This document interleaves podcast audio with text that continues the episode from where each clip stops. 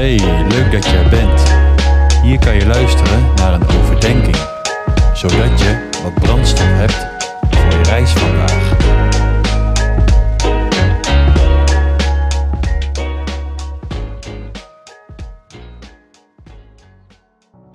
Hey, welkom bij Brandstof aflevering 8 alweer.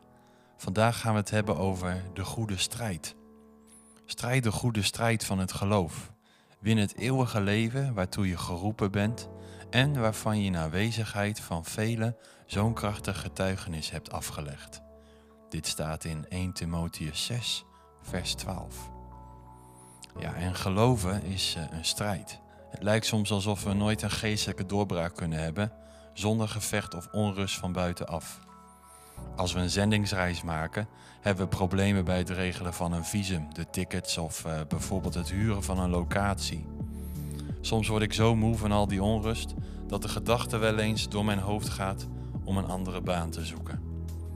Dit is natuurlijk slechts één kant van het verhaal. Ik kan ook een heleboel vertellen over de zegeningen, wanneer het voor de wind gaat en er geweldige dingen gebeuren. Maar als je de dingen doet die er echt toe doen, is daar altijd strijd omheen. We moeten oppassen dat we onszelf daarin niet verliezen. Sommige mensen zijn zo bezig met die geestelijke strijd dat ze vergeten te doen wat ze eigenlijk moeten doen. Het is goed om te beseffen dat er strijd gaande is.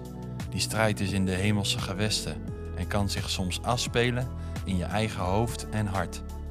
De gedachten in je hoofd komen niet altijd bij jouzelf vandaan, maar kunnen je ingegeven worden door de vijand.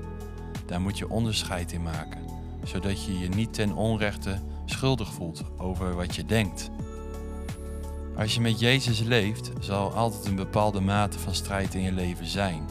Als er ergens niet om gevochten wordt, is het niets waard. Maar laat je niet ontmoedigen. God geeft ons de kracht en de genade om te doen wat Hij van ons vraagt. Daar kunnen we altijd op terugvallen. Welke strijd je ook voert en hoeveel onrust jij ook ervaart, je bent op het juiste pad. Strijd de goede strijd van het geloof.